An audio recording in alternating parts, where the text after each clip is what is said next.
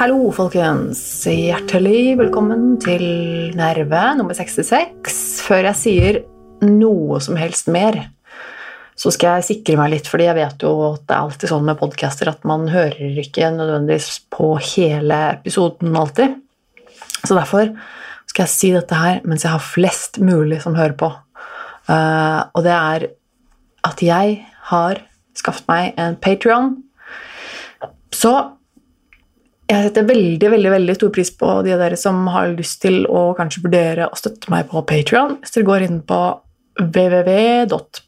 www.patreon.com skråstrek Tone Savro, så finner dere meg der. Um, setter veldig veldig stor pris på de av dere som har, satt, uh, som har uh, støttet meg hittil, eller som har meldt seg inn hittil. Det er kjempekult, uh, og jeg håper selvfølgelig å få litt flere. Jeg skal komme litt tilbake til det. Jeg måtte bare nevne det først. Um, åh, jeg er litt sliten i nakken nå, merker jeg. Oi, nå, apropos Patrion, så tikka det inn en Patrion akkurat i dette øyeblikk. Det var ikke verst. Det var min svigermor, faktisk. Um, men det er hyggelig. Uh, jeg sitter nå her i mitt lille studio hjemme med kaffekoppen min. Og jeg drikker Gahahe, eller hva, hva nå enn den uh, uttales uh, som, uh, fra Kaffebrenneriet fortsatt. Jeg kjøpte en stor pose sist gang. Så Gahai har holdt en stund, og den er veldig, veldig god. Nå kjøpte jeg også en sommerkaffe fra Stockfrets som heter Monsano, tror jeg den het. Mon, Mons, ja, Monsano, jeg tror den het. Colombia, jeg på.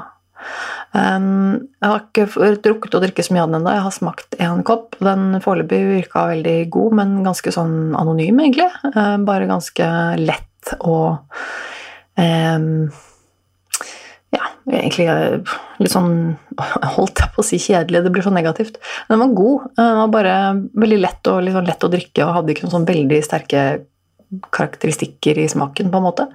Um, lett og god sommerkaffe. Uh, Gahahe fra Kaffebransjen syns jeg er litt mer spennende, for den, den, har en veldig, veldig sær karakter i smaken som jeg liker veldig godt. Smaker liksom markjordbær.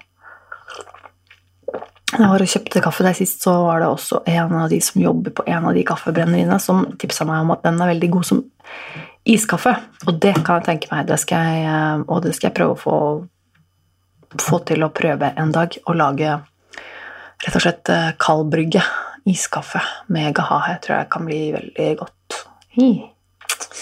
Det var lurt. Um, jeg er Jeg har måttet uh, hive inn på en Paracet, for jeg har litt vondt i huet. Fordi jeg har vært plutselig litt mye jeg, tror det, jeg tror det var fordi jeg hadde et TV-team her i dag som har filmet litt.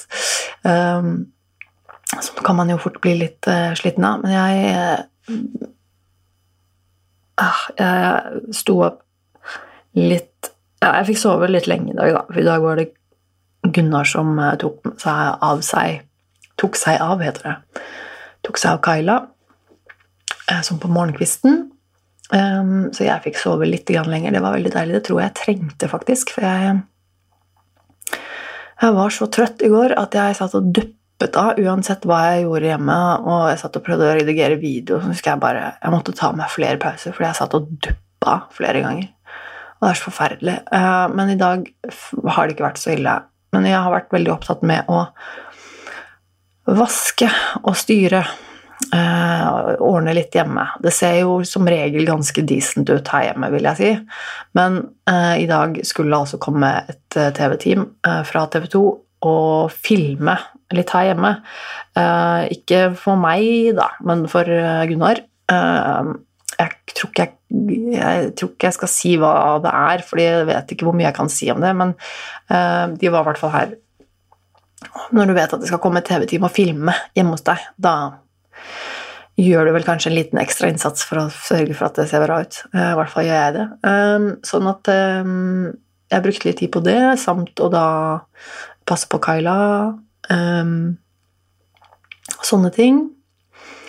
Og så kom de endelig etter hvert. Um, og så var de her en stund. Uh, det tok litt tid, faktisk, og filma litt, og de, til og med filma meg. Plutselig så ville han fyren bare du skal ikke være veldig, 'Kan vi ha med deg?' liksom, og spørre deg om liksom, litt sånn personlig, profil her nå, hvor liksom, du er med, og Jeg var oi, oi, oi. ja, det var jeg ikke helt forberedt på. Det hadde jeg faktisk ikke trodd det kom til å skje. Heldigvis hadde jeg tatt på meg ansiktet og hadde tatt på meg klær, så jeg så ut som et voksent menneske. Um, sånn at jeg mener jeg så ganske presentabel ut. Men jeg ble jo litt sånn uh, litt sånn på sparket, hvor plutselig de skulle filme meg. Jeg var ikke forberedt på det. Um, vi får jo se om det i det hele tatt blir brukt i TV-programmet. Det er jo ikke sikkert. Det vet man jo aldri hvor mye som blir klippet bort. Men um, det kan i hvert fall hende at at uh, mitt ansikt dukker opp der også. Men det hadde i hvert fall vært kult om de brukte det de tok opp med Gunnar her, for det syns jeg ble veldig bra. Så jeg håper det blir noe av. Men det er visstnok en stund, en god stund til det kommer på TV, da, i så fall. Men da får dere nok sikkert høre det fra meg når det blir aktuelt. Men, så, og jeg merka det da jeg satt Eh, på et tidspunkt her, så når de spurte liksom om jeg også ville være med, og de skulle spørre oss begge noen spørsmål og litt sånn, så satt jeg liksom her på sofaen og ble filma, og da kjente jeg at det bare dundra i hodet mitt. Jeg fikk så vondt i hodet. jeg bare um, Måtte jo selvfølgelig bare ignorere det og late som ingenting, men jeg kjenner det sitter igjen litt ennå, og liksom inn bak i nakken og i hodet ganske sliten. Men det har nok uh, det var nok eh, Ja. Eh, jeg var jo ikke nervøs, liksom, men det er nok kanskje den reaksjonen istedenfor. At jeg blir litt sånn stiv i nakken og Ja, jeg vet ikke. Jeg fikk i hvert fall veldig vondt i huet. Og så er det jo veldig uvant situasjon, og for en introvert uh, idiot som meg, så er det jo ikke så lett å takle når det plutselig kommer et eh, team med liksom kamera og journalist og alt mulig sånn inn i stua di. Det er litt sånn uh, uvant. Um, så følte jeg meg så jævlig dum, fordi jeg Da de kom um, i stad, så den, den, første av dem som kommer inn døra, er han, han programlederjournalisten. Hun de kommer inn gjennom døra, og du jeg er så dum. Det første jeg gjør, er jo å strekke ut hånda og bare 'hei, hilse på'. Ikke sant? Så merker Og så ble han litt sånn 'å ja, ja, ja, jeg kan jo sikkert' Og så tok han meg i hånda og liksom hilste, da, og så rett etterpå så kom jeg på at liksom Nei, shit, vi gjør jo ikke sånt. Vi, jo, vi driver jo ikke og tar hverandre i hendene mer eh, nå. Eh, det var sånn det var, ja. Åh, og jeg følte meg så dum.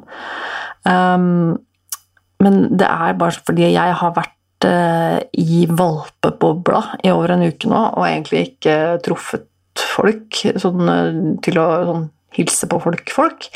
Uh, så det, det, falt meg liksom ikke inn. Uh, det, for det gikk helt på impuls. at liksom, Det er jo det man gjør når man treffer folk første gang. Da strekker man fram uh, høyre hånd og hilser pent.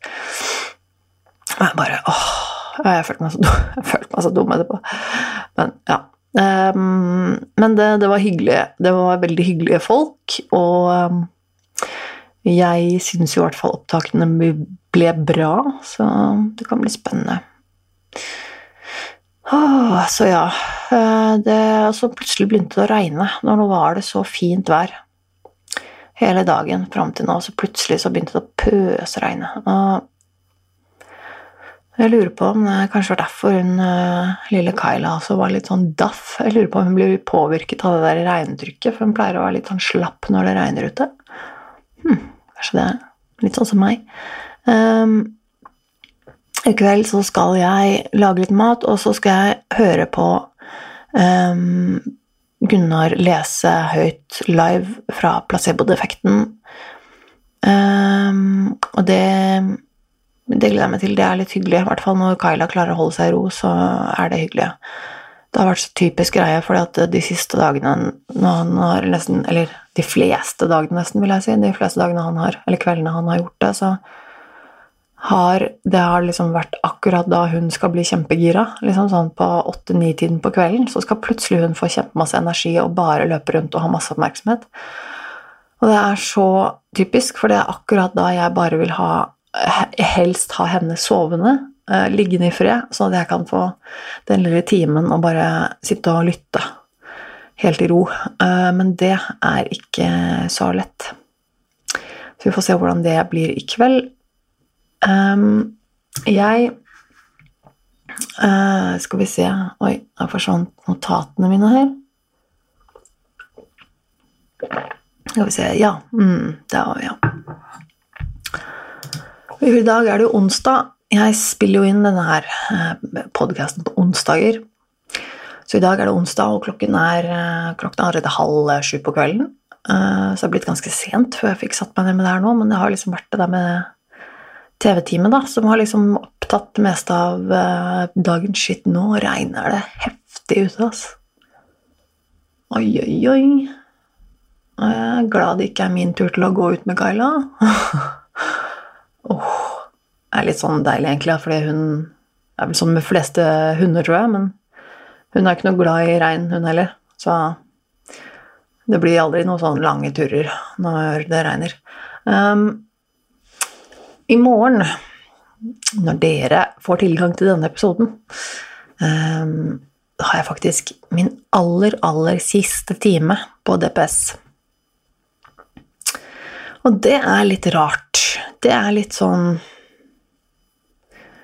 Ja, det er litt rart. Uh, jeg uh, jeg har jo visst om det nå en stund, og vi skulle jo egentlig avslutte dette her i april mai en eller annen, Jeg husker ikke akkurat, men pga. koronasituasjonen så måtte vi utsette det. Og nå er det altså siste time neste gang. For da er jo planen at jeg skal videre til en avtalespesialist. Det har vært det vi har snakket om nå hele tiden. Og øh, jeg øh, Jeg må jo innrømme det at øh, det frister meg veldig lite. Jeg er veldig lei.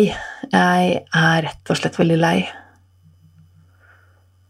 av eh, behandling. Jeg er lei.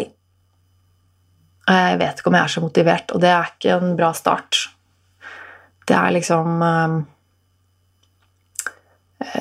krav nummer én eh, omtrent fra liksom, typ alle behandlere sånn sett, er jo at du skal ha en grunnleggende motivasjon for å faktisk møte opp og gjennomføre behandling.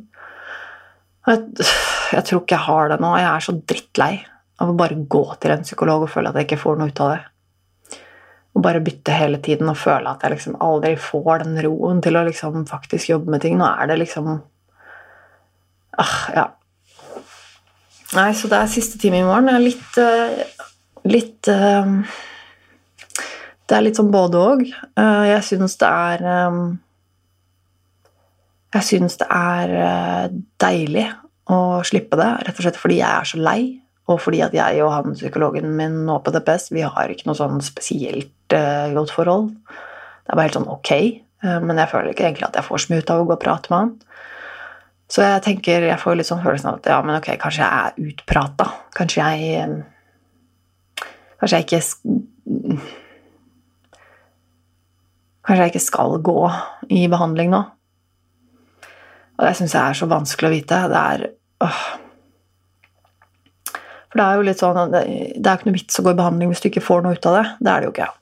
Det er åpenbart. Um, men likevel så vet jeg jo at at jeg har issues fortsatt. Det er jo ikke sånn at jeg er frisk. Jeg har jo fortsatt masse ting jeg sliter med og må jobbe med.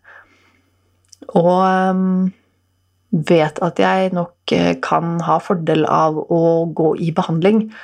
Men uh, så blir jeg veldig lei av behandling når jeg føler at den behandlingen jeg faktisk får, hele tiden bare ikke hjelper.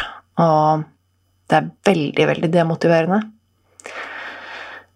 Så, men, men, det er litt sånn så jeg, jeg har jo snakket med samboeren min her om det her også mange ganger og liksom sagt at ja, men hvorfor skal jeg gidde, egentlig? Skal jeg bare slutte på DPS og så bare slutte? Nå er jeg så drittlei, jeg er ferdig, liksom. Um, så har jo han et godt poeng da i det at Det er jo faktisk ventetid hos en avtalespesialist.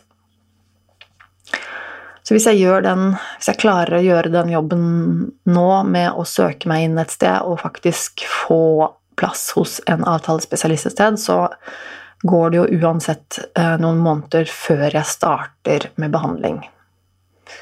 Um, og det er jo for så vidt et godt poeng. Det kan jo hende altså Jeg må jo nå um, perioder framover uansett klare meg uten behandling. Og da er det kanskje greit å vite at jeg har en behandling som kommer sånn down the line. Jeg vet ikke helt. Um, men det også er demotiverende i seg sjøl å vite at du må, da skal du begynne på nytt igjen hos enda en ny behandler. Og det er Det er altså så ræva. Um, så jeg, jeg, vet ikke helt om jeg um, Akkurat nå vet jeg at jeg ikke er up for it i det hele tatt.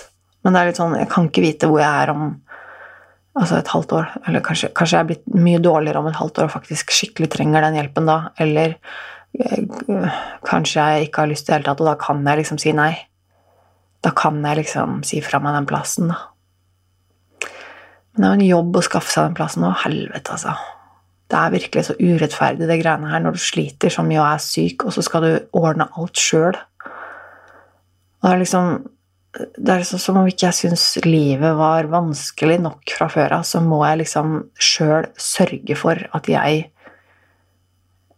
eh, får det jeg trenger, og når jeg ikke engang vet hva det er, liksom, og ikke helt vet hvordan jeg går fram for å få det, så er det bare en helt enorm oppgave. Men uansett um, Nei, så vi får se. Mm, og så må jeg, se, må jeg si at jeg fikk jo uh, en Jeg fikk en hilsen fra en lytter her i løpet av denne uka her en eller annen gang. Um, jeg tror det var i helgen en gang. Fikk jeg plutselig en mail. Så fikk jeg en mail til og en mail til, og så viser det at det er en, en, av dere lytterne mine der ute som har uh, sendt meg på mail en uh, hilsen um, med, på lydopptak og det har jeg ikke fått før nå. Det var veldig, veldig gøy. Eh, til deg Jeg skal ikke nevne navnet ditt, men du vet hvem du er hvis du hører på dette her. Eh, tusen takk for lydhilsen. Det var veldig gøy. Plutselig så bare var det en person, en random person på mailen min som snakket til meg og ga meg en muntlig hilsen, et fremmed menneske snakket om podkasten min og litt sånn. Det var jo helt eh, så skjønt. Var helt fantastisk. Veldig gøy å få en hilsen på den måten. Hun hadde da tydeligvis spilt inn dette her i tre deler, for det var derfor jeg fikk tre mailer. Men jeg fikk ikke den første mailen.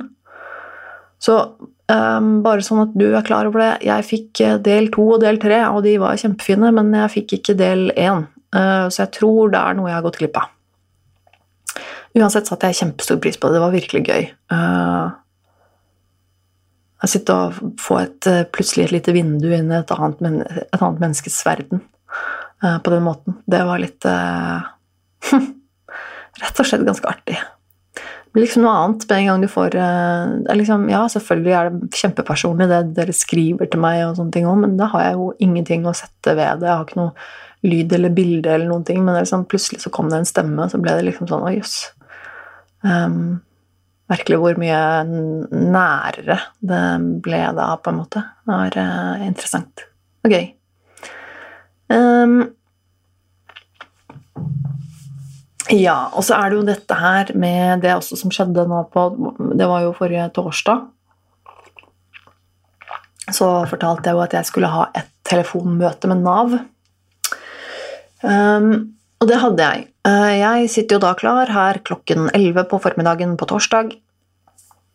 Det er da hun eh, min Hva heter det? Er det saksbehandler det heter? Eller støttekontakt? Nei da, eh, ikke støttekontakt. Men det heter saksbehandler eller noe sånt. Whatever. Hun ringte meg.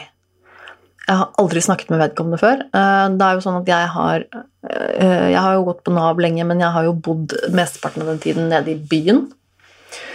Og slutten av fjoråret så flytta jeg utafor byen, så nå bor jeg jo i Groruddalen. Og har tydeligvis da Og da, bytt, da har jeg også bytta Nav-kontor. Det skjer automatisk da når jeg bytter folkeregistrert adresse. Så nå tilhører jeg Nav Alna. Tror jeg det var. Ja, ja Alna er vel den som er tydeligvis er nærmest her. Um, og det har jeg aldri hatt noe forhold til noen gang, så da er jo selvfølgelig også det blitt tildelt en ny saksbehandler. Um, som jeg ikke har hørt fra før, noe annet enn at jeg har, har en sånn derre uh, hva er det heter, da? Sånn arbeidsplan-greie i Nav. Uh, hvor man skal, når man går på arbeidsavklaringspenger, så skal man jo da ha et slags mål. Man skal øh, om hvordan man skal komme seg tilbake i arbeidet, og hva man gjør for å bli bedre, osv.. Og, så videre, og dette er en sånn arbeidsplan som man setter opp på nettsidene samarbeid med Nav. Um, og i tillegg til at jeg sender inn de der jævla meldekortene, selvfølgelig.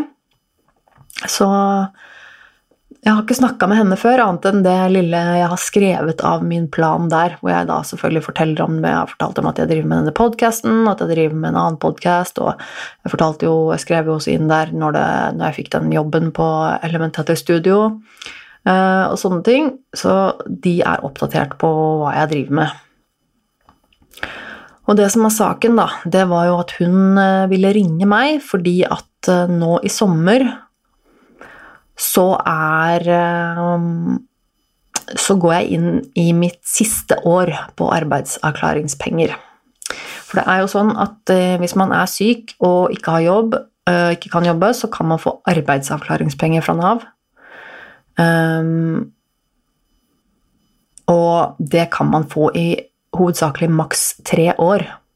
På en sånn årlig, årlig fornyelsesbasis, holdt jeg på å si. Um, og nå uh, har jeg hatt det i snart to år, så nå i jeg tror det var august, så begynner jeg på mitt tredje år. Og det blir da det siste året jeg får arbeidsavklaringspenger fra Nav. Og det er jo litt sånn Da vil hun ringe meg og snakke med meg om hva jeg tenker om det, hva slags plan jeg har framover, hva jeg skal gjøre for å for å bli bedre, eller for å Etter det, da, egentlig, eventuelt. Altså, hvordan skal, jeg, hvordan skal jeg klare å komme meg tilbake i jobb etter det året? Som bare er helt absurd eh, tanke for meg i det hele tatt. Um, men altså, selvfølgelig, jeg skjønner jo eh, jeg skjønner jo hvorfor hun spør om det, og det er jo, ikke, det er jo veldig lurt, det. Eh, og et år, det går veldig fort. Det vet jeg jo. Så det er ikke det at, det, at jeg ikke skjønner hvorfor vi skal prate om det, men jeg har jo ikke noe svar på det. Og det er jo ikke sånn at jeg ikke har tenkt på det før, for jeg går jo og tenker på det fuckings hele tiden. At jeg eh, skjønner ikke, vet ikke hva fremtiden min er for noe, hva jeg skal gjøre, og hvor jeg skal gjøre av meg. Og prøver å jobbe, men det går ikke, og jeg får det ikke til, og de greiene der. Og det er um, jævlig dritt, for å si det sånn, da. Men hun eh, dama fra Nav hun virka for så vidt uh, hyggelig. Det er jo iblant du møter på hyggelige personer i Nav også, uh, heldigvis. Tidligere år hvor jeg har vært syk og vært på Nav, så har det vært et helvete uten like. Um, det har jo blitt et For meg, som for veldig mange andre, har det blitt det, det, å, det å måtte forholde seg til Nav er blitt et eget issue. Fordi at det har altså vært så til de grader jævlig å, å ha noe med den øh, greiene der å gjøre. Uh, jeg har, tror jeg aldri har blitt behandla så dårlig uh, som måten jeg ble behandla på Nav. Måten de så på meg og snakka til meg på som om jeg var et mindreverdig menneske, maken har jeg omtrent ikke opplevd. Det var uh,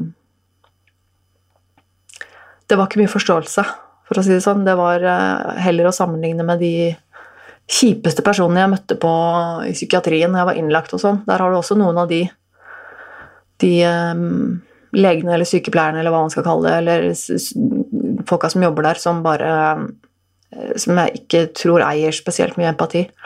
Og det er helt jævlig å måtte forholde seg til sånne personer når du selv er i en veldig sårbar situasjon og faktisk trenger hjelp så er det helt jævlig å måtte forholde seg til personer som bare ikke respekterer eller skjønner eller uh, har empati overhodet for den situasjonen du er i. Det er um, um, mildt sagt ganske jævlig. Så jeg var selvfølgelig litt nervøs før hun skulle ringe meg, for det her er jo Nav, og det er en dame jeg aldri har snakket med før. Men hun virka for så vidt hyggelig. Um, hun, hun, var uh, holdt opp si rasjonell og hyggelig. Uh, de tingene hun sa til meg, var uh, bare ting jeg visste fra før av, og hun snakket til meg litt som om jeg ikke hadde peiling på absolutt noen ting. Um, som Jeg fikk litt følelsen av at nå er det liksom en eldre dame som snakker til en liten jente, type. Um, men, men, greit nok. Det var ikke noe sånn overveldende. Det var liksom Ok, ja, greit. Uh, og det er jo for så vidt fint nok. Da kan hun forklare meg de tingene jeg lurer på, og så kan jeg sitte her jeg som en, og late som jeg er en uvitende liten tufs, for det kan jeg godt uh, det, det, klarer jeg fint å være en liten stund. Um, men samtalen var um, det, Ja, det gikk fint. Og det, og det, var egentlig ikke Hva var det vi endte med? Må jeg tenke meg om Jo. Det hun ville, var at jeg skulle altså selvfølgelig finne ut av hva, hva jeg vil gjøre. Hva skal jeg bruke livet mitt til? Hva slags jobb er det jeg kan ha som jeg trives med? Alle disse spørsmålene her som jeg har stilt meg selv 100 000 ganger og aldri finner svar på. Ehm, det syns hun var viktig å finne ut av, så det hun, eh, hun og jeg ble enige om at ehm, vi skulle gjøre, var at jeg skulle være med på eh, noe som de kalte for avklaring.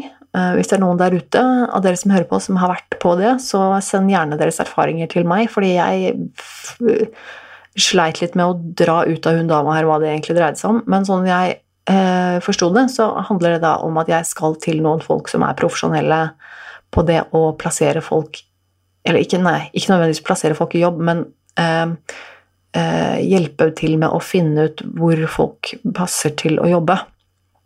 Eh, Visstnok. Altså litt type karriereveiledning, rådgivning, et eller annet. Um, og da hun først begynte å snakke om det her, at hun skulle ha meg med på noen sånn avklaring, så fikk jeg helt panikk. for jeg bare, Men hva, hva, hva, er, hva, er, det for noe, liksom? For de har jo sendt meg på sånn jobbsøkerkurs og sånt, noe drit tidligere. Og det er jo bare helvete på jord. Jeg har vært på sånn kommunikasjon og utvikling. Eh, kurs også, i regi av Nav, som bare også var eh, Ja Eh, Herregud. Og jeg får helt øh, Bare tenker tilbake på det jævla greiene der. Um, men, men, dette her var visstnok ikke det, da. Det var liksom ikke noen sånn gruppe som skulle møtes, og det var ikke noe sånn undervisningopplegg sånn som de andre greiene har vært, liksom. Uh, for da sa jeg til henne at for det takler jeg ikke å være med på. Det, det går faktisk ikke. Så, så det, det, det går ikke. Men da var hun veldig sånn Nei, nei, men det her blir liksom lagt opp for for enhver. For de vet det. Er folk som Alle de som kommer dit, det er jo folk som av en eller annen grunn har vanskeligheter med å jobbe og ditt og datt. Så Så hva skal jeg si? Ja, det Jeg sa bare ja. Hva annet kan jeg gjøre, liksom? Så jeg må bare vente på at jeg får en innkalling fra dem. Det kan bli interessant. Men som sagt, hvis det er noen av dere der ute som har uh, vært med på det, så uh, skriv gjerne til meg deres erfaring med det. For det, jeg har veldig angst på å være med på ting jeg ikke skjønner hva er. Uh, så jeg vil gjerne vite ting. Um, ja. Nei, så um, så samtalen gikk for så vidt greit, men det jeg oppdaga, var jo at um, etterpå så hadde jeg det jo ikke spesielt bra med meg selv. Um, det ble jo en ganske lang samtale. Hun satt og snakka med meg i nesten en time. Og etterpå var jeg jævlig sliten i huet og følte meg egentlig ganske jævlig ubrukelig. Ble veldig lei meg. Og um, det var egentlig ganske dritt, fordi akkurat da Det er liksom sånne, sånne øyeblikk jeg som regel er veldig glad for at uh, samboeren min har hjemmekontor, fordi får jeg det skikkelig dritt, så kan jeg gå inn og få en klem. Um, Og så var det tilfeldigvis rett etterpå så skulle han i et møte. Så jeg fikk liksom ikke noe tid til å få en ordentlig klem, holdt jeg på å si. Eh, som var litt dritt. Eh, men jeg, merka jeg ble lei meg fordi at hun bare gned veldig godt hardt inn i trynet mitt det jeg visste fra før av. At jeg har dårlig tid. Og at om et år så får jeg ikke noe mer penger fra Nav, og da må jeg enten ut og jobbe, tjene mine egne penger på et eller annet, eller så må jeg jo Altså hvis jeg, ikke, hvis jeg fortsatt ikke kan jobbe, så må jeg da søke om uføretrygd eller noe sånt, um, som også er en prosess. Um, og det, ikke, det, det, har jo ikke lyst til det. Eh, jeg har jo lyst til å ha en jobb hvor jeg tjener penger som jeg faktisk klarer å gjøre, og som jeg har lyst til å gjøre, og som gjør at jeg er fornøyd. Eh, det er jo litt det jeg eh, gjør med denne podkasten og med YouTube og sånn, og nå med Patrion, da, er jo litt fordi at jeg Det er ting som jeg faktisk liker å drive med, og det er så typisk det er sånn innmari typisk at de, de få tingene som jeg liksom ordentlig liker å drive med, det er sånne ting som er klin umulig å ha en inntekt på. Det er forbanna irriterende. Men, men jeg, jeg, klarer ikke Jeg er ikke i stand til å jobbe i noe jeg ikke liker å drive med uten å bli helt ødelagt psykisk. Det har jeg jo bevist nå, eh, og til og med når det var tatoveringsstudio og en type sted som jeg faktisk var interessert i og likte å drive med, så klarte jeg jo ikke det da heller. Eh, så det er jo helt tydelig at jeg fortsatt sliter med noe. At jeg At det er ikke bare for meg å bare gå ut og søke en jobb og ta den og så være fornøyd. Det, det funker jo faen ikke. Så jeg vet da faen hva jeg skal gjøre. ikke sant? Liksom, hva, ja, hva skal du gjøre da?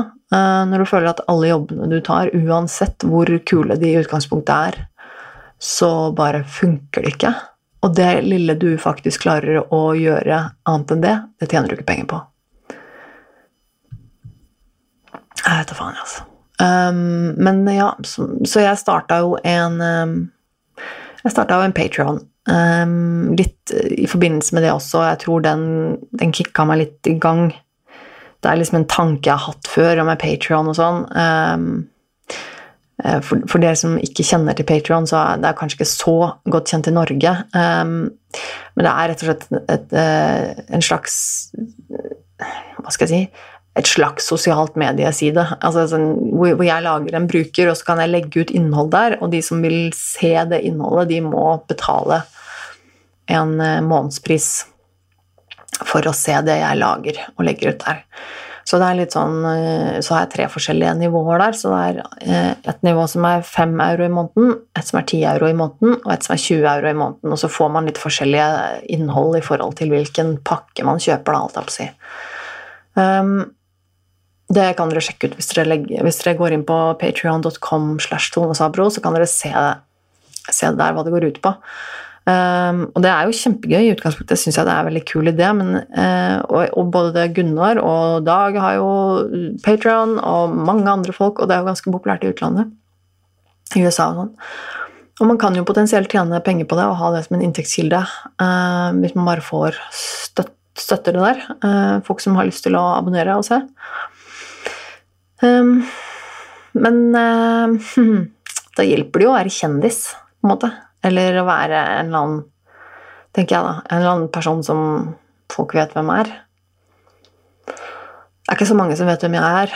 Um, og jeg um, et, jeg syns det er litt kleint.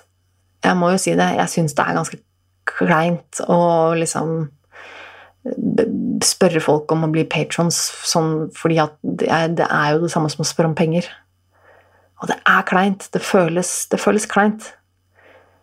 Um, samtidig så vet jeg jo at det er jo ikke å be om penger. det er jo på en måte, altså jeg gir jo noe til Poenget er jo at jeg lager noe som folk betaler meg for. Det er jo det som egentlig er greia. At folk bare betaler meg for det jeg ellers gjør gratis. Og det er jo helt fair og selvfølgelig helt supert, egentlig, at all den jobben jeg gjør, ikke skal gjøres gratis. Um, for det er jo faktisk mye jobb å lage videoer og podkast og ja, alt det greiene jeg gjør i sosiale medier sånn. Det, jo, det er jo jobb. Det tar tid, og det er ikke alltid like gøy. Jeg får jo ikke noe betalt for det, så det er litt sånn tanken på at ja, ja, men ok, har jeg noen patrons, så kan jeg faktisk få betalt for den jobben, og det er jo en liten ekstra motivasjon. Det, eh, men sjekk den gjerne ut, folkens, eh, hvis det, er, eh, hvis det er noe dere kunne tenkt dere. Eller kanskje hvis dere ikke vil eller ikke har mulighet til å støtte meg, så kanskje dere kjenner noen som kan være interessert. Så kanskje dele siden min med noen dere kjenner, for eksempel. Ja, men uansett, jeg Ja, så det har jeg gjort. Patron, rett og slett. Jeg ga etter. Og så vet jeg jo at det er noen, noen, der ute av dere som hører på her, som har også spurt om jeg har Patron, eller om jeg har vurdert å gjøre det. Og da har jeg egentlig bare sagt nei, jeg tror ikke det. Men nå gjør jeg det likevel, så ja. Vi får jo se åssen det går. Men eh, det er liksom sånn alle måneder drar jo. Så jeg tenker at nå per i dag så har jeg åtte patrons, og jeg tenker at det er jo 100% mer enn null. Og selv om det er lite penger jeg får inn på det hver måned, så er det jo fortsatt litt penger, og det er helt supert. Det trenger jeg jo, for å si det sånn. Um, ja, men um, Ja, så er det jo Jeg tenkte egentlig i dag så skulle jeg snakke litt om uh, Ja, for først nå kommer jeg til temaet, liksom. Um, nesten så tror jeg jeg må begynne å bytte om på det, at jeg begynner å snakke om dagens tema liksom typ først, og så ta alt det der uviktige ramble-greiene på slutten. Jeg vet ikke. Men au. Jeg må sette meg litt komfortabelt jeg kan jo ikke la være å bli påvirket av det som skjer nå i verden, spesielt borti i USA. Det er jo mye opprør og demonstrasjoner og eh, plyndringer og eh, helt sinnssyke tilstander der borte. Eh, og dessverre så har de jo en president som er totalt talentløs og ekstremt narsissistisk. og rett og slett ganske stormannsgal, tror jeg. Og det er trist, fordi at det, det landet har sårt behov for en president som faktisk kan styre dem i riktig retning, og det er det ikke noe tvil om at eh, Donald Trump ikke klarer. Eh, dessverre så tror han jo selv at han er verdens beste president og verdens beste person og verdens eh, verdens verden. Eh, og det gjør meg litt kvalm. Det gjør meg ganske forbanna. Og det er en, en, en av få ting som gjør meg ordentlig ordentlig forbanna og ordentlig, ordentlig sint og sur og forbanna. Det er det mennesket der. Han forbanna Donald Trump. Og eh, mennesker som han, og, men spesielt fordi han har så jævlig mye makt. Og um, det er bare helt sinnssykt frustrerende for meg. Ikke bare det at han er president, men at det er mennesker som har stemt han fram til å bli president det er så hinsides for meg. Eh, altså jeg, at det er eh, Blir du ikke nihilist av det, så kan du vel ikke bli det, holdt jeg på å si. Jeg mister jo totalt tro, i hvert fall på menneskeheten nå, eh, etter Altså oh, Ja, her kommer dystopien fram. Men ja, det er litt sånn Det, det er litt interessant, egentlig, syns jeg, det der som foregår om Black Lives Matter og alle grusomme handlingene som har skjedd, eh, og hvordan eh, svarte mennesker blir behandla av politiet i USA, er helt forkastelig. Um, og det som er på en måte det verste med det, er jo at det er jo ikke noe nytt engang. Det har jo vært sånn dritlenge. Og så er det bare ingen eh, som gidder å gjøre noe med det der borte. Um, eller som klarer å gjøre noe med det, eller som fordi at de menneskene som har den makta, er litt for privilegert til å bry seg. Jeg vet ikke, men det er, det er hvert fall Det er i hvert fall ganske grusomt, og jeg blir jo helt Jeg blir veldig satt ut. Um, stadig vekk av hvordan politiet oppfører seg der borte i USA. Det har alltid vært liksom merkelig for meg, for jeg er jo vokst opp med Jeg er vokst opp her i Norge, men, men med, med, politi rundt meg. Unnskyld meg, holdt jeg på å si. Jeg er jo vokst opp med eh, en far som har jobbet i politiet i alle år. Eh, eh nyere tider har jo også en bror har jeg også en bror som er politi. Og jeg selv har jobbet i politi- og lensmannsetaten. Eh, som, altså, ikke som betjent, men som sivilt eh, ansatt. Så jeg har jo hatt mye å gjøre med politi i min oppvekst. Jeg, eh, pappa var jo på en måte store helten min da jeg var liten, og jeg syntes jo det var kjempestas de få gangene han kunne komme og hente meg på, på skolen og henta meg i politibilen, ikke sant. Det var jo superstas, og det var jo en sånn kjempeenorm trygghet eh, da jeg var barn, å liksom tenke på at det er ingen som tør å bryte seg inn her, det kommer ikke noen innbruddstyver fordi at eh, pappa er politi. Ikke sant? Det, den, eh, den, den følelsen der husker jeg veldig godt fra jeg var liten, at det var liksom alltid en sånn trøst, en trygghet, da, i, i han og i det. Um, og jeg var jo med pappaen min på jobb også mange ganger da jeg var liten, husker jeg, inn på politihuset her i Oslo. da.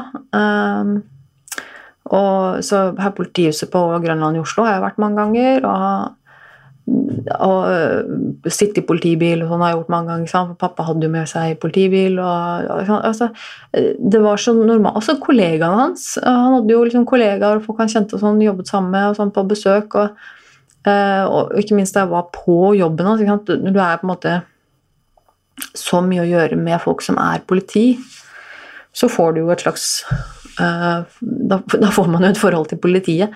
Um, og mitt forhold til politiet har alltid vært veldig fint. Uh, jeg har alltid vært alltid si, glad i politiet og vært veldig sånn interessert i det. sikkert av ganske naturlige årsaker, da, pga. faren min og sånn. Eh, men så Jeg er jo en av de som på en måte, når jeg har vært eh, ute i alle år liksom, og ser en politibil, så er jeg alltid litt sånn som liksom eh, På en måte kikker litt ekstra og bare Oi, hvem er det? Hva, hva driver de med? Og, og overhodet ikke redd for politiet. Jeg er sånn som gjerne kan slå en prat og liksom Holdt jeg på å si Altså Det er liksom Jeg, jeg, jeg har en slags Det er en skal jeg si, Det er en slags kjennskap der. Eh, for jeg har, jeg har liksom et forhold til politi gjennom min oppvekst. Da. Eh, og jeg så, så, og, og, ikke minst, det har jeg jo også um, vært litt sånn interessert Det var jo en periode jeg også ville bli politi, ikke sant. Um, sikkert naturlig nok. Og syns syns jo, den type jobb er veldig spennende. Um, mange ting med en, sånn, med en politijobb som kunne vært interessant for meg. Men øh, og så da har jeg også Så vet jeg liksom da kanskje en, en del da, om politiet og hvordan de jobber og sånn, så fordi at jeg har vært litt interessert i det og øh, har jo jobbet i Politiets utlendingsenhet selv. Øh, Riktignok, som jeg sa da, som sivilt ansatt, altså på jeg har ikke noe uh, betjent som var ute, liksom. Men, uh, men du, du, får liksom en kjennskap til, til prosedyrene og hvordan det foregår og alt mulig sånne ting, når du har på en måte den, den, det forholdet til det liksom alltid. Så jeg um, syns jo alltid at det at politigreiene i USA er veldig rart, fordi at det er så annerledes.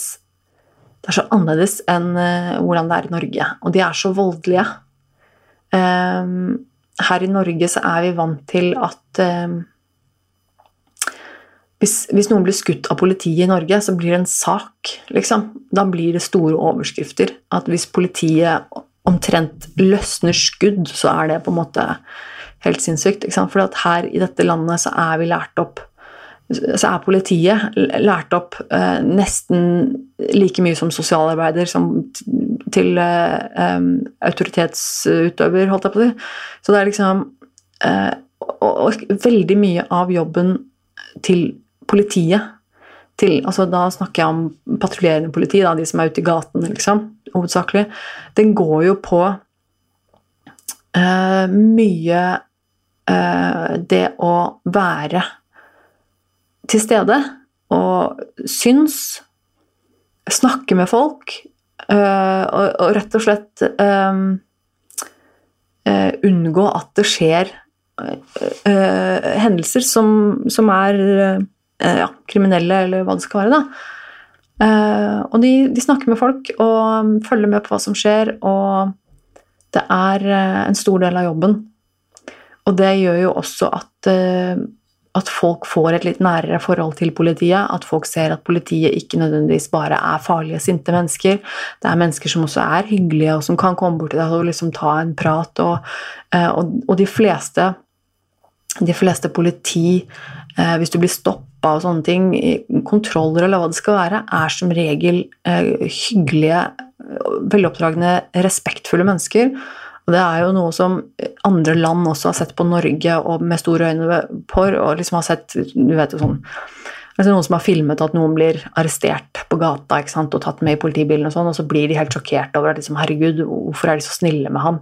For de, liksom, ja, de tar på han håndjern og tar ham med inn i bilen, men de, de, skriker ikke og slenger han ikke i bakken, og de behandler han med respekt, liksom. Og det er litt sånn Ja, det er sånn politiet jobber i Norge. Um, stort sett har de respekt for folk. Og det avler jo respekt også, som regel. Og det er jo noe jeg er veldig glad for at vi har, i Norge, har i Norge. At vi er flinke til det, og eh, å behandle folk som mennesker og gi den respekten.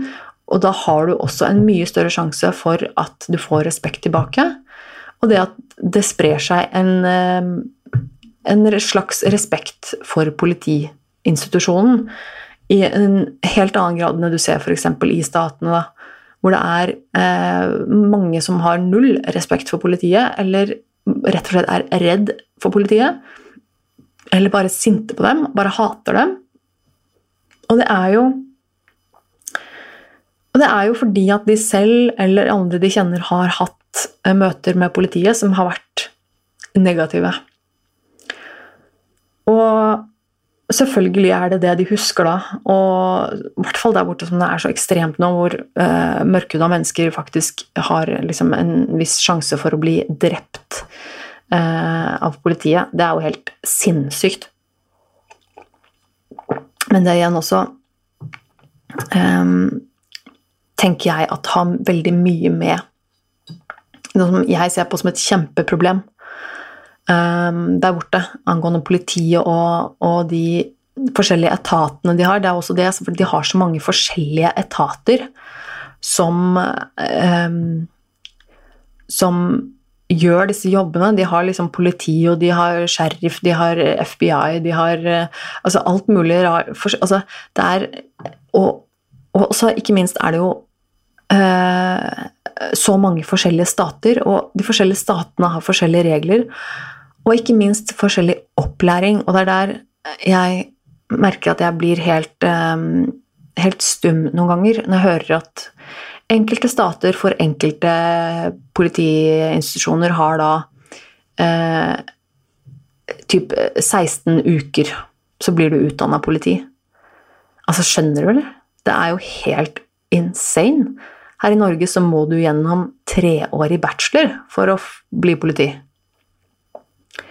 Og det er jo først da det Og, er, og etter at du har gått politiskolen tre år og fått en bachelor, så er jo da på en måte lærlingtida di ute i praksis begynner. på en måte. Da er du jo fersk. Da er du på ingen måte utlært. Og det er jo eh, Jeg tenker at det er så ekstremt viktig. Hvem i all verden eh, er skikka til å håndtere så ekstreme situasjoner? Må bare få en opplæringskurs liksom, på, på 16 uker. Det er helt latterlig. Og da skal du ut og takle alle mennesker i samfunnet, og du skal ha våpen, du skal eh, ta riktige beslutninger, og det er bare Det er ikke, det er ikke snakk om. Det skjer ikke. Det er ikke Nei, jeg, åh, det, er, det, er helt, det er helt hinsides for meg. Virkelig helt hinsides. Um, og det er selvfølgelig Det er vel et av de verre tilfellene, da. Det med 16 uker. Jeg mener å huske det var det, i hvert fall. Uh, men det er jo stort sett sånn der borte. Det er ikke, det er ikke sånn i statene at du for å bli politi, så må du ha en bachelorgrad i, i, som går over tre år, liksom. Det er ikke sånn det funker. Det er um, Det er fåtall av, av tilfeller. Og det er Bare det syns jeg er skummelt. At de lar um, så uerfarne mennesker eh, får lov til å ha så mye makt i samfunnet. Um, det er veldig mye som inngår i eh, et studie når du studerer og skal bli politi. Det er jo ikke bare det at du skal praktisk vite hvordan man skal behandle et våpen, men du skal jo også studere jussen bak det her. Du skal vite hvilke regler og rettigheter folk har, hva du skal gjøre, og hva du ikke kan gjøre. Og hva, hva, hva, hva, loven sier, det er jo det som på en måte er poenget her. At du, du skal håndheve den loven. Eh, men du skal også holde Prøve å gjøre samfunnet til et trygt sted. Um, og det også er jo Mye av jobben er jo da å prevent Herregud, hva heter det på norsk? Også teit. Um, Forebygge. Forebygge. At du skal forebygge kriminalitet. Altså, jeg tenker um, Vet de at det er et konsept i det hele tatt i, statene? Skjønner de hva det går ut på? Uh, for det, det, tror jeg nesten ikke de gjør. Uh, og jeg tror i hvert fall ikke de skjønner hva slags fordeler du kan høste av å, å, å faktisk drive med, uh, med det, fordi Nei, jeg blir bare jeg, jeg, blir, jeg blir oppgitt. Jeg blir oppgitt. Men det er liksom Og uh, det får meg igjen til å bare tenke på også hvor heldige vi er som bor i Norge, og at ja, selvfølgelig fins det eh, dårlige politifolk eh, og rasistiske eller folk som Altså, selvfølgelig. Det finner du i hvert eneste yrke. I alle yrker er det noen av de som ikke skulle vært i det yrket. Sånn, sånn er det bare. Uh, Selvfølgelig vil man jo prøve å unngå det. I Norge så har man jo intervjuer, og du må gjennom en prosess bare for å komme inn på politiskolen. Altså, det er, egnethet er et stor del av det å kunne bli politi i Norge. Og det er vi veldig heldige med. Um, jeg er veldig heldig med det. Jeg er veldig glad for det, at jeg at jeg bor i Norge når det gjelder akkurat de greiene der. Eller når det gjelder mange ting, for så vidt. Men det er derfor det er så fascinerende for meg å, å se hvordan de holder på der borte i statene nå. Jeg syns det er eh, ganske jævlig. Og det er vanskelig å sette seg inn i. Det med rasismen der. For det er jo helt tydelig at de har, eh, at de har mer rasisme der enn det der i Norge.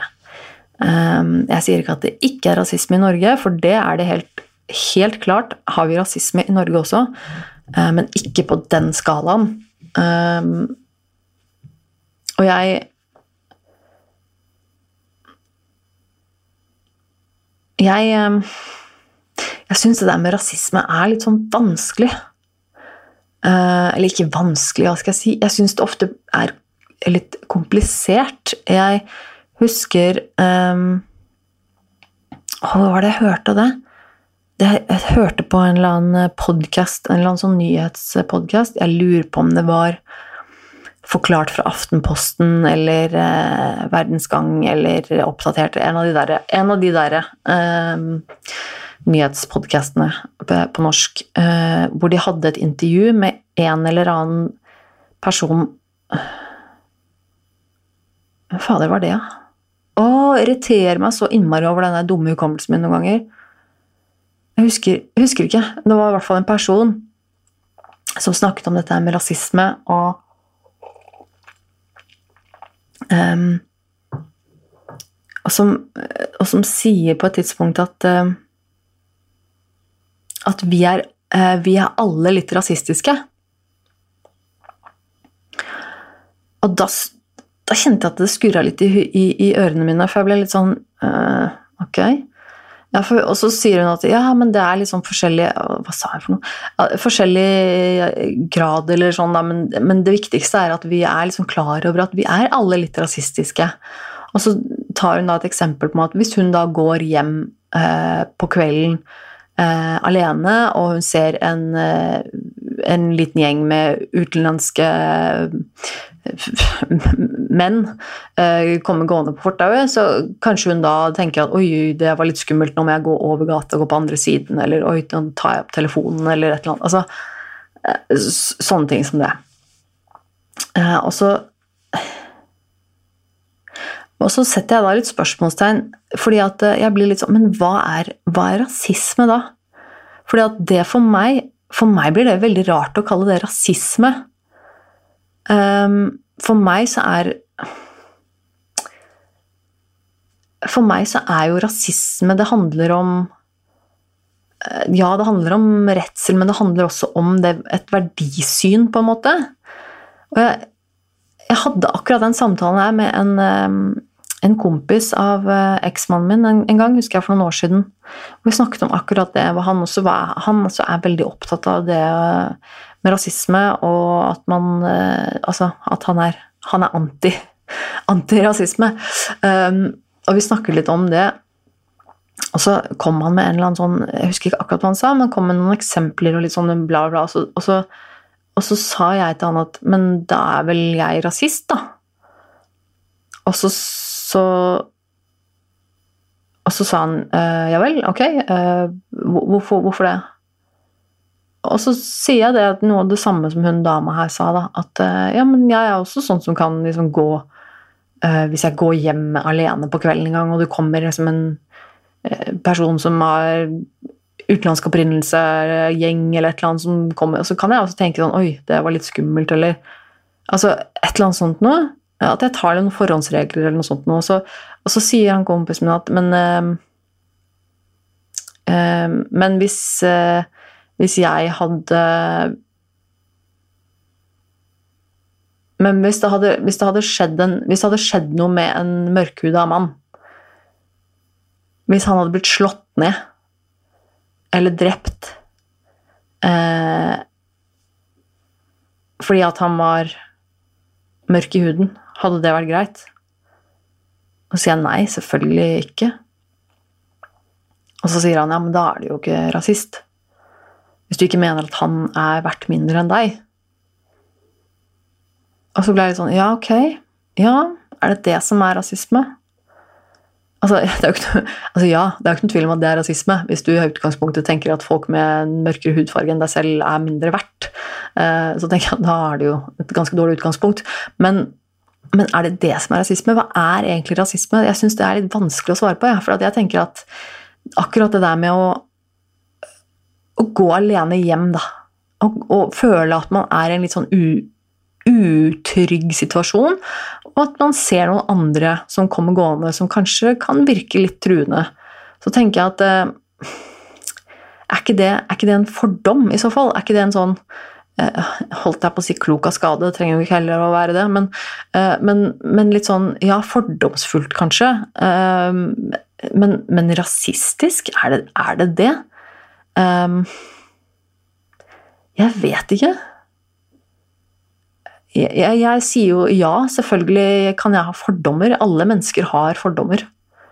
Um, det, er, det er, fordommer som blir, blir, foretatt i huet vårt uh, veldig kjapt, uten at vi egentlig tenker over det. Så gjør vi det alle sammen. Um, men, men er det rasisme? Nei, jeg vet ikke. Jeg synes, Jeg føler vel kanskje at det er litt drøyt å kalle rasisme. For når jeg tenker på rasisme, så, så tenker jeg på at man har um, At man har et uh, i utgangspunktet mer negativ holdning til vedkommende bare basert på fargen på huden. Um, eller altså opprinnelse, da, bakgrunn, eller hva man skal si. Altså sånne ting. Uh, og, og, og, det, jeg, jeg, jeg, mener jo ikke at en uh, mann som er mørk i huden, er verdt noe mindre enn en mann som er lys i huden. Um, eller omvendt, uh, holdt jeg på å si. Altså, jeg det, det, er ikke for, for, meg er det helt irrelevant hvilken farge du har på huden. Um, men så er det også noe med det at Og så sier man sånn Ja, men Fordomsfull, ja, kanskje ok. Men hvis du, hvis du, blir redd for den uh, gjengen med utenlandske menn på gata, så er det fordi at du er blitt fortalt at de fleste kriminelle handlinger eller ranshendelser eller sånne ting skjer av utlendinger eller ditt og datt. Ikke sant? At man kan ha hørt sånne ting. ok, men ja, kanskje det var derfor jeg ble redd. Kanskje det. kanskje, og kanskje det er, kanskje det er feil. Eh, men, men, er det rasistisk? Um, jeg tenker også at uh, hvis jeg Hvis noen forteller meg at uh, Nei, altså, jeg, jeg, vet ikke, altså, men det er sånn eh, Hvis du ser på Ja, nå må jeg tenke høyt her. Hvis du ser på norske fengsler, da, så er det jo en overvekt av de som sitter inne, de er av utenlandsk opprinnelse. Uh, og det La oss si at det stemmer. Nå skal ikke jeg si det 100% sikkert. Jeg er ganske sikker på at jeg har hørt uh, eller lest den statistikken et eller annet sted. Men, men ta, ok, ta det med en klype salt. Um, men la oss si at det er fakta. Og så har jeg det i bakhodet da, når jeg går ute. Er jeg rasist da, liksom? Tenker jeg da at liksom Og at basert på den statistikken jeg har hørt, så er sjansen for at den personen der som er mørk i huden, vil meg vondt høyere enn han som er lys i huden, som går på fortauet ved siden av. Um, er jeg rasist da? Fordi at for meg så er, er ikke det rasisme. For, for, altså for, fordi at for meg så blir det jo bare tall liksom, i huet mitt. Uh, men ja, jeg vet ikke, altså. Det er jævlig Jeg syns det der er tricky. Jeg syns det er jævlig tricky. Um, for, jeg vil ikke anse meg selv som rasist.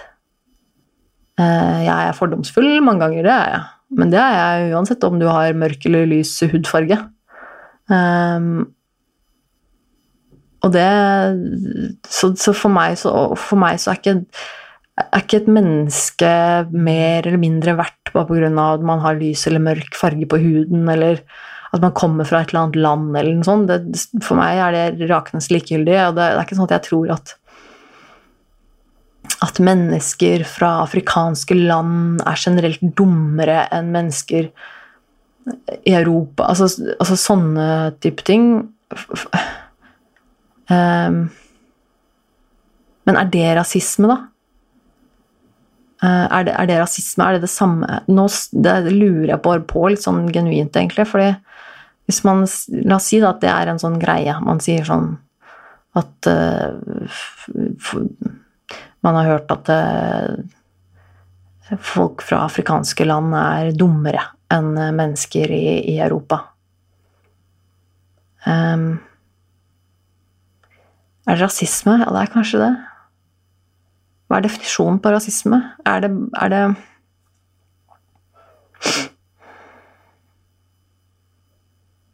Jeg syns det er vanskelig. Jeg, blir ikke noe klokere av å sitte og bare snakke med meg sjøl, men eh, Men jeg, jeg syns det har vært eh, Jeg syns det har vært litt interessant å, å se på det, eh, det som har skjedd i statene nå i det siste, og hvordan hvordan det er så store forskjeller. Hvordan de hvordan de behandler mennesker bare rent basert på hvilken farge de har på huden, er så bisart for meg, altså. Men det er vel litt med det at uh, Den statistikken som jeg tenker på, da, hvis jeg går rundt og har Hvis jeg går rundt og har den statistikken i hodet, den om at uh, ja, men statistisk sett så er det flere mørkhuda mennesker i fengsel enn det det er hvite. La oss si at det stemmer. Og så går jeg rundt med den statistikken i hodet. Det er nå én ting, men hvis jeg er politi og går rundt med den statistikken i hodet Da kan det jo fort bli farlig. Og jeg tenker at det er nok kanskje der eh, Kanskje der rasismen kommer fra. Kanskje begynner sånn. At man, eh, man, vet den statistikken, og så bare tar man utgangspunkt i at eh, å ja, men han som sitter i den bilen, han er mørkhuda. Da er sjansen for at han er kriminell, mye høyere enn Altså kanskje det, er, kanskje det er sånn det begynner. Jeg vet ikke. Jeg vet jo ikke. Men jeg syns det er jeg syns det er en interessant diskusjon, og jeg syns det er helt for jævlig, det som skjer borte i statene nå. Jeg skjønner godt hvorfor folk protesterer, jeg skjønner godt hvorfor de demonstrerer og er forbanna og sinte.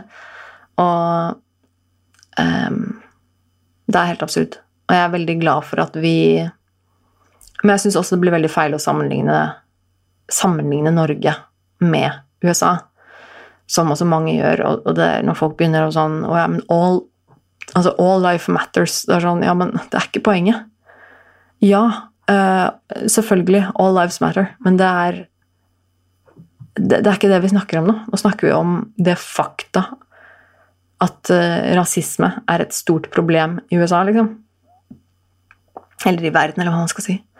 Men det er liksom um, Jeg syns det er um, Jeg kanskje noen av dere som så det. Jeg, dere fikk vel med dere det på var det tirsdagen, at det var en sånn blackout-tirsdag hvor typ hele Instagram ble spammet med svarte bilder. Um, og jeg er en sånn person som egentlig aldri pleier å henge med på sånne derre Sånn derre sosiale medier-solidaritet-tull. Sånn derre Altså hva altså, det er vanskelig å forklare. Altså, sånn der, eh, sånn, eh, når det skjer en terrorhandling i et eller annet land, så driver alle poster sånn eh, Facebook-profilbildet sitt med en sånn det flagget til det landet. Og sånn, i sånn støttesolidaritet. Det syns jeg er så kleint. Um, fordi at det, det For meg så for meg så blir det altså, Først syns jeg det er veldig kleint å gjøre det. Fordi at jeg tenker sånn, Det har jo ingenting med meg å gjøre. Jeg har ingenting jeg skulle sagt med dette her. Jeg, har, jeg var ikke der. Jeg kjenner ingen som var der. Eh, jeg bor i et privilegert land. Jeg har ingen altså, Det blir litt sånn rart. Ja, selvfølgelig støtte dem og sånn, bla, det er veldig fint. Men så er det så rart, for det, på et eller annet tidspunkt så må du jo ta det bort igjen. Um, og det syns jeg er litt rart. Jeg sånn, jeg vet ikke, jeg føler at det er litt kleint. Og så fortsetter man bare livet sitt. Det er liksom bare det at ja, Så lenge jeg har det flagget på bildet mitt, så er det liksom alt greit. Da har jeg bare vist at jeg støtter, men så gjør det på en måte bare alt likevel. Og det er ikke noe av det du poster og legger ut som er annerledes. Det er ikke noe av det du sier eller gjør som er annerledes. Da, og da er det bare helt Ja, det, det blir så rart for meg. Men den greia her, den med de svarte bildene, den hang jeg meg faktisk på. Og grunnen til at jeg gjorde det, var egentlig altså, Ja, selvfølgelig fordi at jeg ville Jeg hadde lyst til å si noe uten å egentlig føle at jeg hadde så mye å si. Jeg, det er jo litt med at jeg, men, jeg er hvit og ganske privilegert person som bor i Norge. Og har aldri slitt med problemer med politiet. Tvert imot. Så um, føler jeg på en måte at jeg har ikke rett til å snakke så høyt om det. Eh, men det å vise støtte er selvfølgelig en fin ting, å være, være solidarisk osv. Men, men det var også noe med at hele prinsippet at vi skulle liksom blacke ut alt. Og det er bare et svart bilde, og så er det ikke noe mer. Og det var det det var for meg. Jeg posta det svarte bildet uh, med en hashtag, Blackout Tuesday, og ikke noe mer enn det. Og jeg postet ikke noe mer enn det hele den dagen og tro Jeg husker ikke om jeg posta noe dagen etterpå, eller hva det var, men jeg tror jeg ikke. Uansett så var det på en måte fordi at um, jeg, jeg, stoppet på en måte det jeg pleide å gjøre. Jeg postet ikke noe annet, noe som var uviktig. Mitt liv gikk ikke på en måte videre som normalt, og jeg fortsatte og fortsatte å poste Jeg poster liksom ikke et svart bilde, og så posta jeg liksom Å, dette er det jeg hadde på meg i dag, rett etterpå. Um, det var liksom bare Nå svarte jeg ut for å um, Ikke for, for, å liksom drite i sosiale medier lite grann, liksom. Det er ikke viktig, det du skal poste i dag uansett. Jeg vet ikke. Det var liksom bare For meg så føltes det liksom mer Mer uh, ukleint, for å bruke, bruke et sånt ord. Um, ja, nei, uh, så um, Jeg vet ikke, folkens. Jeg vet jo ingenting.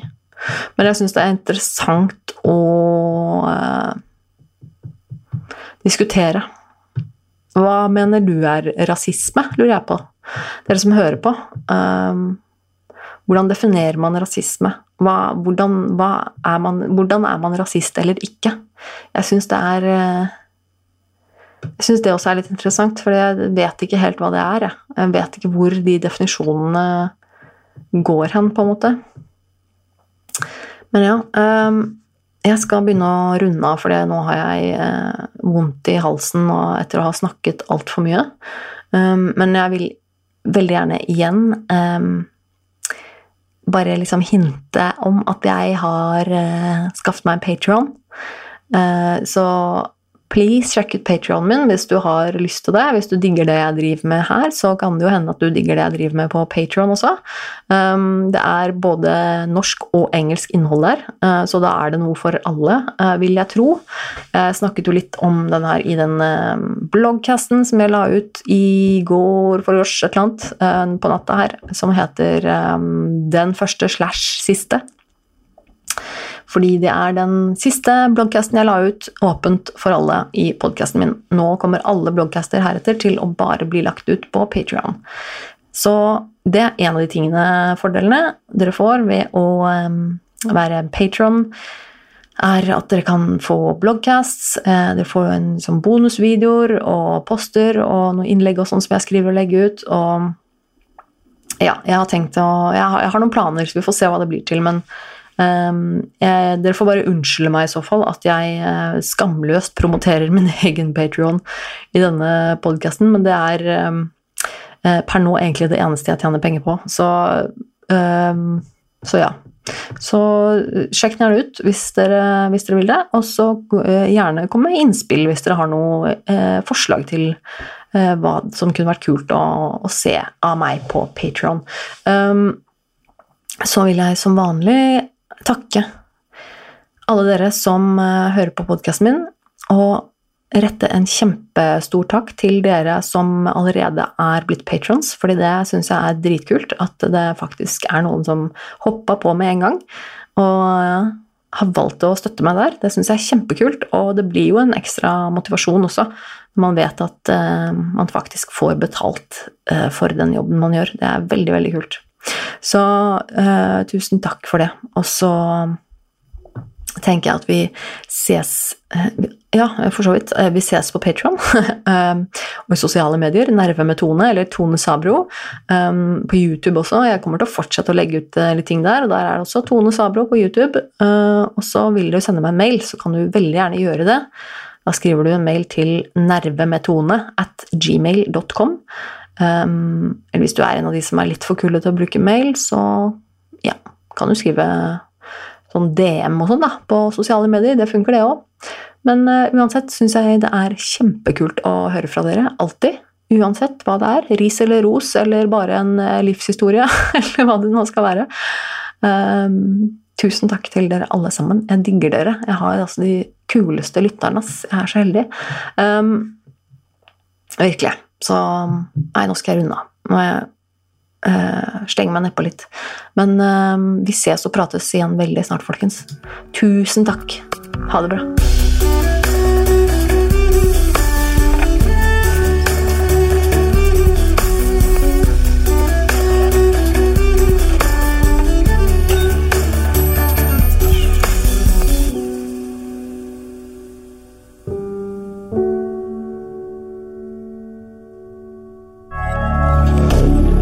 Moderne media.